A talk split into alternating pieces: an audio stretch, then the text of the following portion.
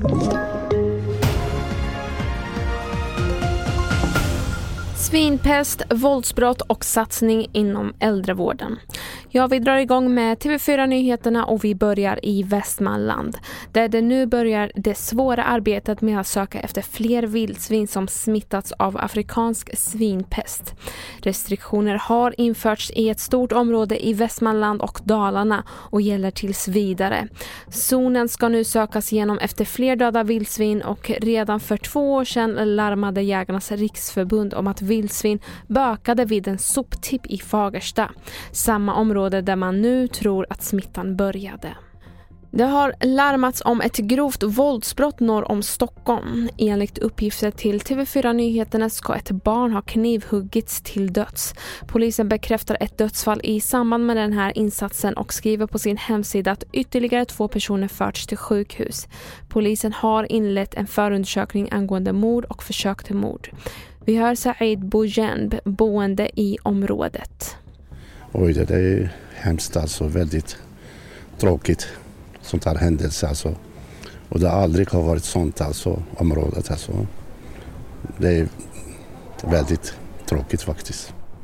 Vidare till Malmö. En 17-årig pojke har häktats misstänkt för våldsamt upplopp som utspelat sig i Rosengård efter en koranbränning förra helgen.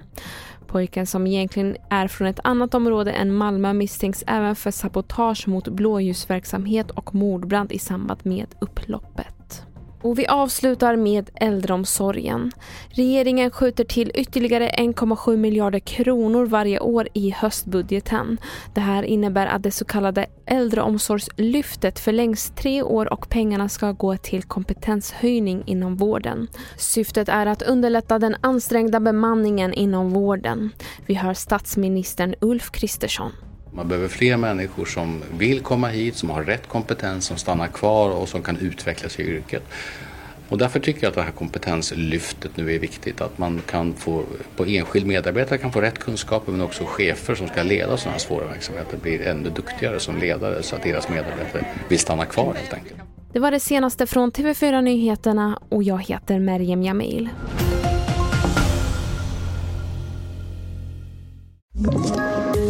Poddtips från Podplay. I podden Något Kaiko garanterar östgötarna Brutti och jag, Davva, dig en stor dos skratt. Där följer jag pladask för köttätandet igen. Man är lite som en jävla vampyr. Man har fått lite blodsmak och då måste man ha mer. Udda spaningar, fängslande anekdoter och en och annan arg rant. Jag måste ha mitt kaffe på morgonen för annars är jag ingen trevlig människa. Då är du ingen trevlig människa, punkt. Något Kaiko, hör du på Podplay. Därför är gardinerna.